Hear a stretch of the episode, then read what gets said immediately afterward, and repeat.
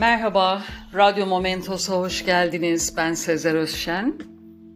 İnternette birçok yerde karşıma ünlü Yunan filozof Plutaros'un antik Yunan toplumunda zayıf veya engelli bebeklerin öldürüldüğü iddiasının araştırıldığı ile ilgili haberler çıktı ve inceleyip yayına almak istedim. Plutaros, milattan sonra 100 civarında yazdığı Lukurgos'un Hayatı adlı biyografik eserinde o zamandan 700 yıl önce Antik Yunan devleti Sparta'da yeni doğan bebeklerin teftiş için bir ihtiyar heyetine teslim edildiğini söylemişti.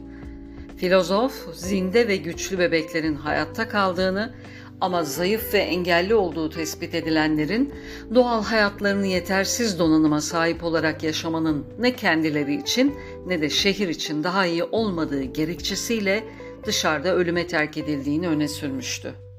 Yaklaşık 2000 yıl sonra bu hikaye antik Yunan toplumuna dair yaygın bir fikir haline geldi. Bilim insanları bile o dönemde engelli çocukların açık havada bir yerde terk edildiğini varsaydı.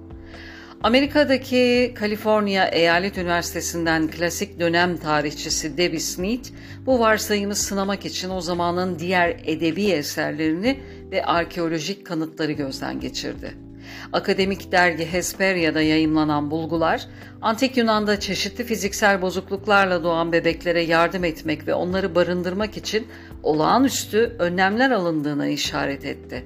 Smith, engelli bebekleri öldürmek veya ifşa etmek ne yasal zorunluydu ne de eski Yunan'da tipikti ifadelerini kullandı.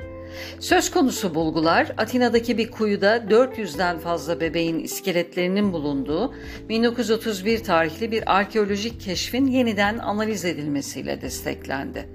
Çoğunlukla birkaç günlük olan bu bebekler seçilerek öldürüldüklerine dair herhangi bir kanıt taşımıyordu ve sayıları da o dönemde dünyanın farklı yerlerindeki bebek ölüm oranlarına uygundu. Yunanistan'daki diğer kazılar engelli bebekleri beslemek için kullanıldığı düşünülen küçük küresel seramik şişeleri de ortaya çıkarmıştı. Ayrıca yarık damaktan ve diğer engellerden mustarip yetişkinlerin yer aldığı figürler ve başka sanat eserleri de göze çarpıyordu. Smith, İnsanların bebekleri aktif olarak öldürmediğine dair çok sayıda kanıtımız var, dedi. Smith ayrıca Plutaros'un ortaya attığı bebek öldürme düşüncesinin yıllar içinde birçok kötü amaç doğrultusunda kullanıldığını vurguladı. Bu amaçlar içinde Nazilerin engellileri öldürmeyi haklı çıkarma girişimleri de yer alıyordu.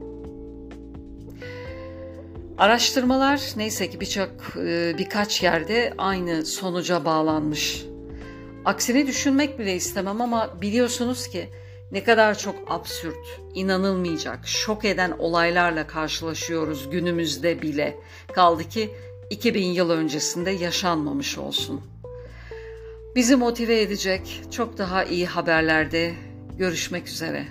Hoşçakalın, Radyo Momentos'ta kalın.